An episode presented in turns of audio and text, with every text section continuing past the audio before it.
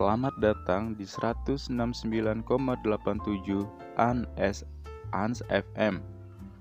Selamat datang di podcast ANS dan selamat datang bagi kalian yang baru saja bergabung di ANS Podcast. Kali ini kita akan berbagi cerita, saya maksudnya, saya sendiri akan berbagi cerita uh, masalah usaha kecil-kecilan ya bagi mahasiswa yang mendengarkan ya perlu dicoba untuk menjadi seorang pengusaha gitu ya. Jadi mindsetnya itu jangan uh, selalu bekerja bekerja dan bekerja. Karena kita harus selalu memiliki karya agar bisa bermanfaat bagi orang lain gitu loh. Jadi kalau misalnya kita bekerja saja kita hanya mengimplementasikan ide-ide dari orang lain dari bos kita gitu. Tapi kalau misalnya kita usaha sendiri, itu kita mengimplementasikan uh, ide kita, ide kreatif kita. Langsung saja ini saya berbagi cerita mengenai usaha yang baru saja saya buka ya bukan detik ini maksudnya sudah berjalan satu bulan lamanya dan ya syukur tidak tidak bangkrut belum bangkrut maksudnya sejauh ini masih bisa berjalan gitu ya. Nah, eh, jika ditanya apa sih yang membuat kok mau gitu usaha?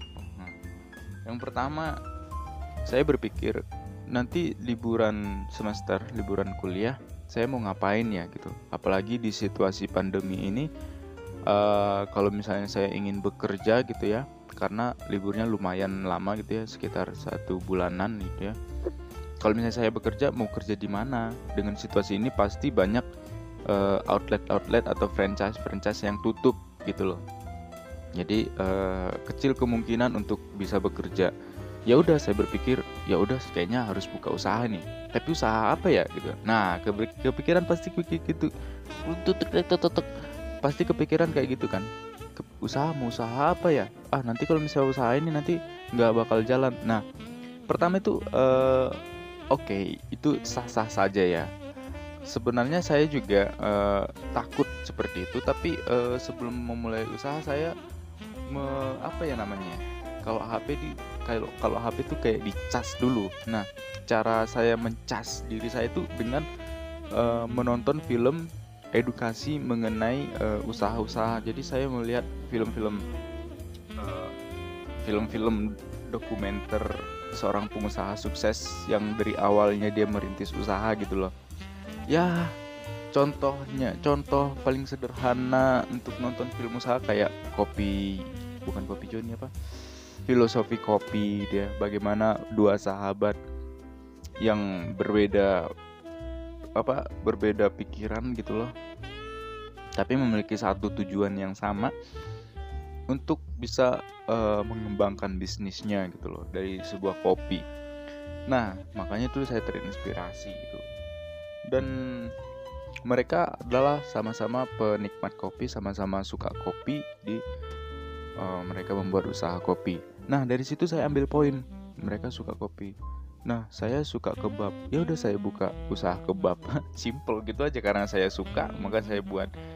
Jadi ya gitu intinya sih kalian juga apa ya apa yang kalian suka gitu loh. Itu aja dijual itu aja yang diusahain. Jangan jangan memikirkan orang lain orang lain dan nanti suka. Ya itu mah urusan mereka. Kita mah yang penting uh, dari segi kualitas gitu ya dari segi rasa packaging itu kita suka gitu loh. Kita suka. Karena percayalah bahwa semua otak manusia itu berbeda pikiran, berbeda rasa, berbeda selera. Itu tidak bisa kalian samain gitu loh.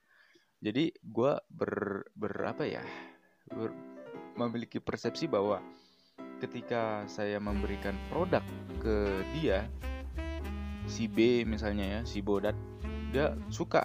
Ah, terus si B yang satu dia nggak suka. Nah itu terserah, itu itu terserah anda. Tapi uh, menurut saya ini adalah adalah rasa uh, otentiknya dari produk saya gitu suka tidak suka itu terserah nggak suka yang gak usah beli gitu kalau suka mah beli aja Nah, itu untuk memulai usaha. Nah, kalau misalnya sudah berjalan bagaimana? Uh, oh ya, uh, uh, kalau apa? Kebab saya ini, uh, usaha saya ini tuh itu bermodalkan 60.000 jadi mulai dari beli daging saya menggunakan daging sosis tapi daging sosisnya bukan daging sosis apa ya bukan daging sosis yang biasa gitu. Maksudnya saya belinya juga di supermarket dengan kan kalau misalnya di apa di supermarket itu beda kualitas beda harga. Nah kalau saya ini dia eh, kualitasnya itu mm, levelnya di tengah-tengah gitu karena uh, saya lihat sih kalau misalnya sosis yang mahal itu di atas harga di atas harga 50 ribuan. Nah kalau yang murahnya itu ya di atas harga 20 ribuan. Nah kalau saya di di 30 ribuan uh, harga sosis saya. Sosis sosis pas sekali gitu. Dan juga uh, tortillanya itu um, saya belinya di supermarket kebanyakan sih bahan-bahan saya itu dari supermarket nah itu Eh, tiga puluh ribuan terus tortillanya itu sekitar 17 ribuan dan saus sayur segala macam itu. Ya ya dihitung-hitung ya 60 ribuan untuk untuk satu paket. Dan untuk satu paket saya menyebutnya satu paket bahan itu bisa menghasilkan 10 kebab gitu loh. Nah itu 60 ribuan.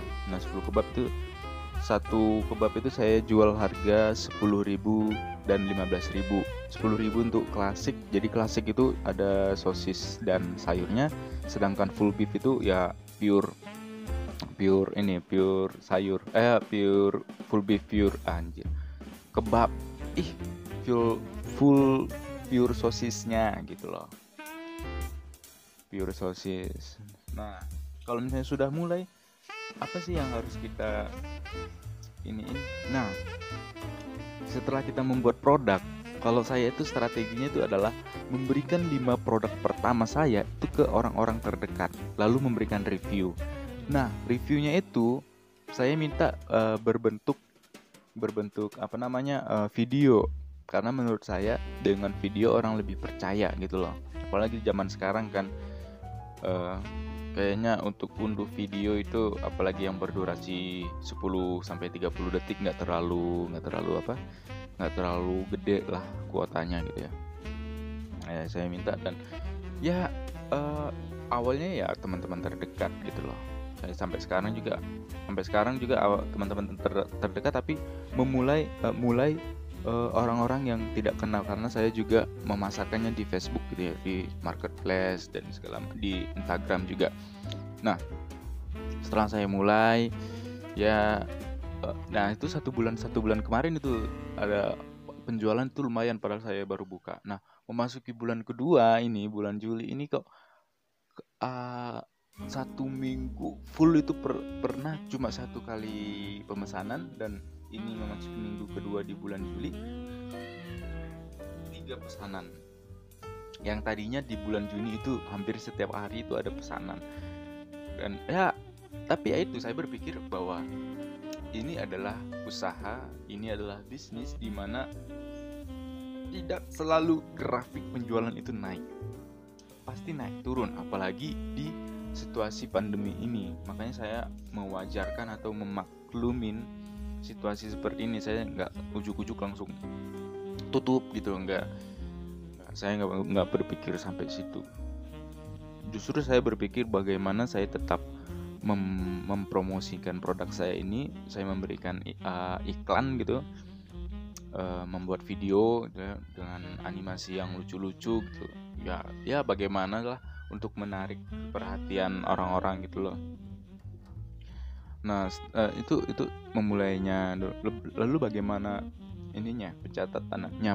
Pencatatan itu saya sarankan, gua saranin itu kalian harus catat di Excel. Beberapa orang sih katanya, aduh susah komputer, eh. Ya udah di buku tapi dibuat tabel.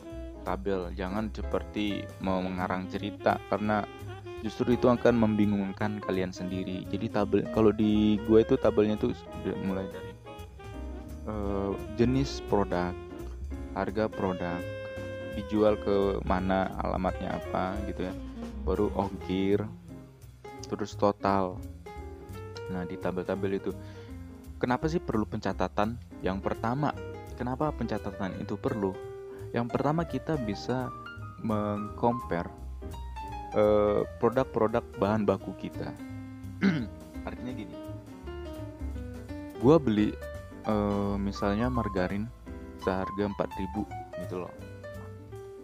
Lalu uh, harga 4000 terus gua karena nggak ada produknya yang tersedia di supermarket misalnya ya ada harga yang 3000 tapi uh, rasanya nggak jauh beda atau bahkan sama gitu dengan harga 4000 nah kalian pasti ini kan banyak nih detail harganya. Pasti bakalan lupa ini margarin yang kemarin tuh harganya berapa? Nah bisa kalian lihat bisa kalian lihat lagi. Oh harganya 4000 gitu loh. Jadi kita bisa mengcompare membandingkan uh, apa ya bahan-bahan uh, bahan-bahan baku untuk produk kita gitu loh. Jadi pencatatan itu penting dan juga dan juga kita bisa melihat grafik penjualan kita. Dan kalau misalnya gue kan di alamat ya di alamat dan dan asal asal asal pemasaran maksudnya asal pemasaran adalah uh, eh, gue masarin ini di WhatsApp uh, di grup WhatsApp keluarga kah gitu atau di Facebook. Jadi gue mis buat gue buat uh, nama. Terus uh, misalnya dalam kurung WA dalam kurung Facebook. Nah nanti gue bisa melihat uh, secara detail mana yang paling banyak orang mesan dari WA kah atau dari Facebook kah. Nah makanya kalau misalnya dari WA berarti saya harus terus push terus uh, membuat iklan dan membuat uh, inovasi baru gitu loh. Agar orang pelanggan saya tetap tetap melihat saya gitu dan mem membeli produk saya. Uh, kayaknya itu dulu deh. Karena ini ada pesanan baru. Terima kasih yang sudah mendengar.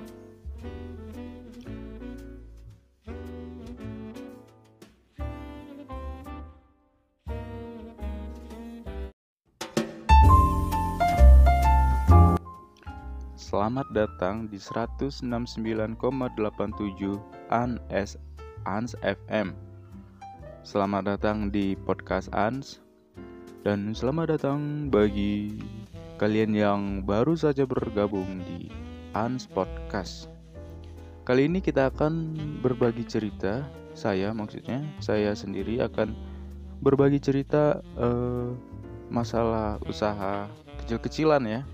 Bagi mahasiswa yang mendengarkan ya perlu dicoba untuk menjadi seorang pengusaha gitu ya jadi mindsetnya itu jangan uh, selalu bekerja bekerja dan bekerja karena kita harus selalu memiliki karya agar bisa bermanfaat bagi orang lain gitu loh jadi kalau misalnya kita bekerja saja kita hanya mengimplementasikan ide-ide dari orang lain dari bos kita gitu. Tapi kalau misalnya kita usaha sendiri, itu kita mengimplementasikan uh, ide kita, ide kreatif kita.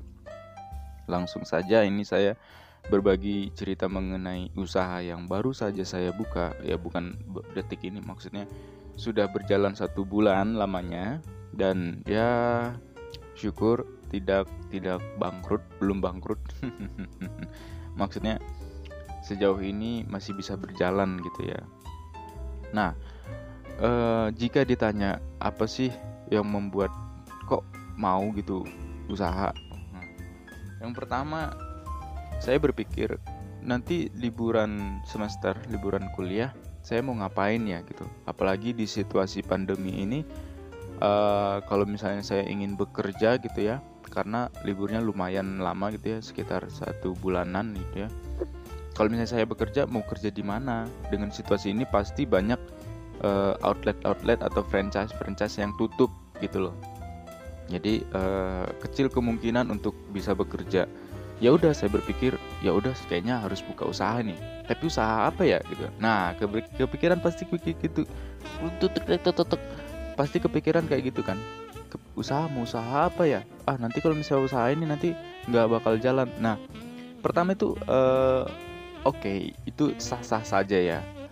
sebenarnya saya juga uh, takut seperti itu. Tapi uh, sebelum memulai usaha saya me, apa ya namanya kalau HP di kalau kalau HP itu kayak dicas dulu. Nah cara saya mencas diri saya itu dengan uh, menonton film edukasi mengenai usaha-usaha. Jadi saya melihat film-film uh, film-film dokumenter seorang pengusaha sukses yang dari awalnya dia merintis usaha gitu loh. Ya contohnya contoh paling sederhana untuk nonton film usaha kayak kopi bukan kopi Joni apa? Filosofi kopi dia bagaimana dua sahabat yang berbeda apa berbeda pikiran gitu loh. Tapi memiliki satu tujuan yang sama untuk bisa uh, mengembangkan bisnisnya gitu loh dari sebuah kopi. Nah, makanya tuh saya terinspirasi gitu.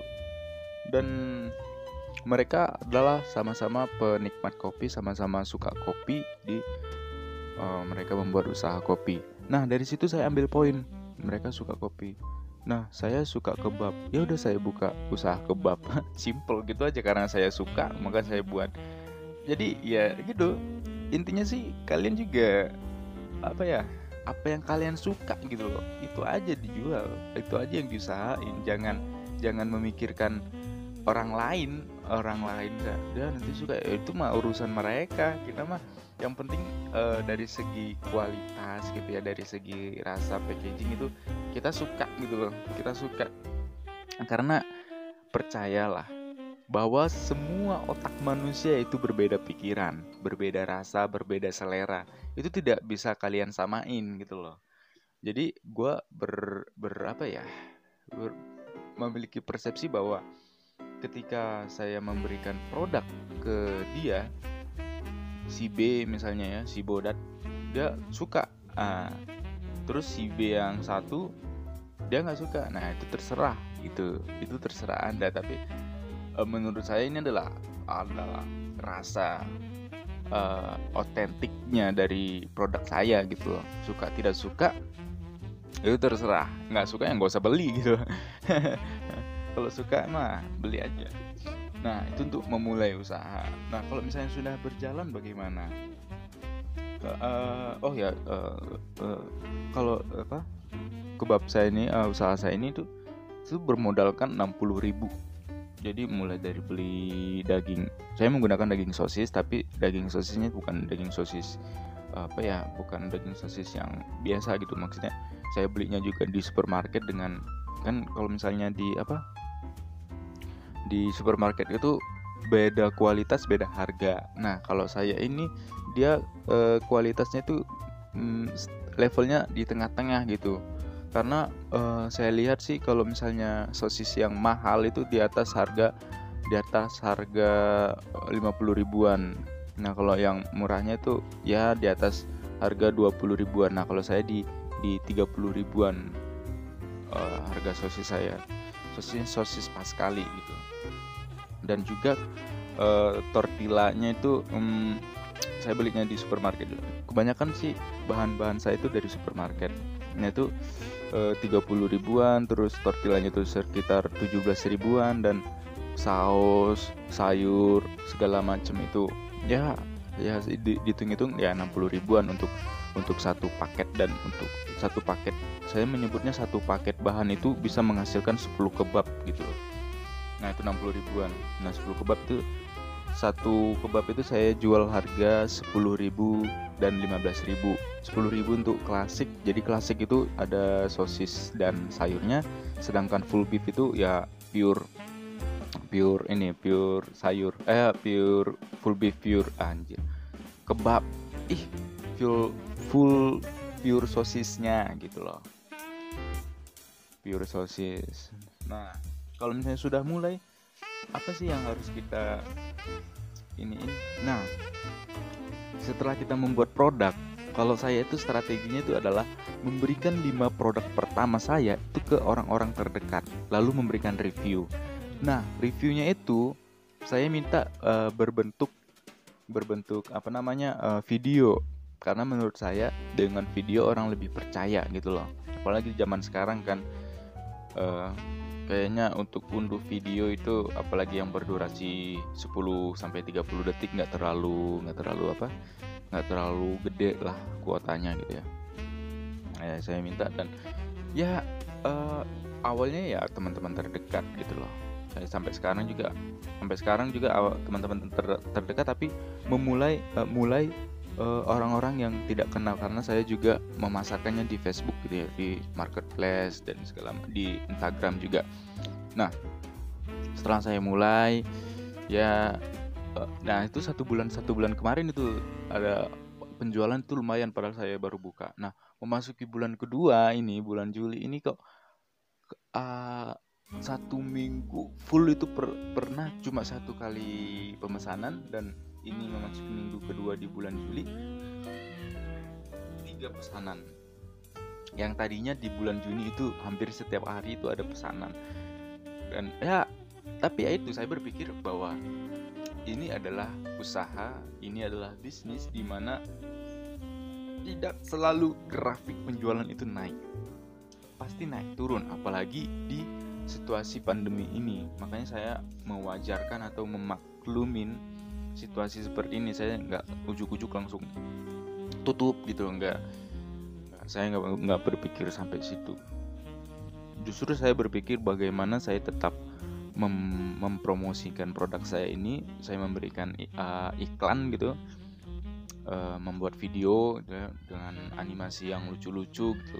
Ya ya bagaimana lah untuk menarik perhatian orang-orang gitu loh nah uh, itu itu memulainya lalu bagaimana ininya pencatatannya pencatatan itu saya sarankan gua saranin itu kalian harus catat di Excel. Beberapa orang sih katanya aduh susah komputer eh ya udah di buku tapi dibuat tabel. Tabel jangan seperti mau mengarang cerita karena justru itu akan membingungkan kalian sendiri. Jadi tabel kalau di gue itu tabelnya tuh mulai dari uh, jenis produk harga produk dijual ke mana alamatnya apa gitu ya. Baru ongkir terus total. Nah di tabel-tabel itu kenapa sih perlu pencatatan? Yang pertama kenapa pencatatan itu perlu? Yang pertama kita bisa mengcompare Eh, produk-produk bahan baku kita. Artinya gini, gue beli uh, misalnya margarin seharga 4000 gitu loh. Lalu uh, harga 4000 terus gue karena nggak ada produknya yang tersedia di supermarket misalnya ya ada harga yang 3000 tapi uh, rasanya nggak jauh beda atau bahkan sama gitu dengan harga 4000 nah kalian pasti ini kan banyak nih detail harganya. Pasti bakalan lupa ini margarin yang kemarin tuh harganya berapa? Nah bisa kalian lihat bisa kalian lihat lagi oh harganya 4000 gitu loh. Jadi kita bisa mengcompare membandingkan uh, apa ya bahan-bahan uh, bahan-bahan baku untuk produk kita gitu loh. Jadi pencatatan itu penting dan juga dan juga kita bisa melihat grafik penjualan kita. Dan kalau misalnya gue kan di alamat ya di alamat dan dan asal asal asal pemasaran maksudnya asal pemasaran adalah uh, eh, gue masarin ini di WhatsApp uh, di grup WhatsApp keluarga kah gitu atau di Facebook. Jadi gue mis buat gue buat uh, nama. Terus uh, misalnya dalam kurung WA dalam kurung Facebook. Nah, nanti gue bisa melihat uh, secara detail mana yang paling banyak orang mesan dari WA kah atau dari Facebook kah. Nah, makanya kalau misalnya dari WA, berarti saya harus terus push, terus uh, membuat iklan dan membuat uh, inovasi baru gitu loh, agar orang pelanggan saya tetap tetap melihat saya gitu dan membeli produk saya. Uh, kayaknya itu dulu deh. Karena ini ada pesanan baru. Terima kasih yang sudah mendengar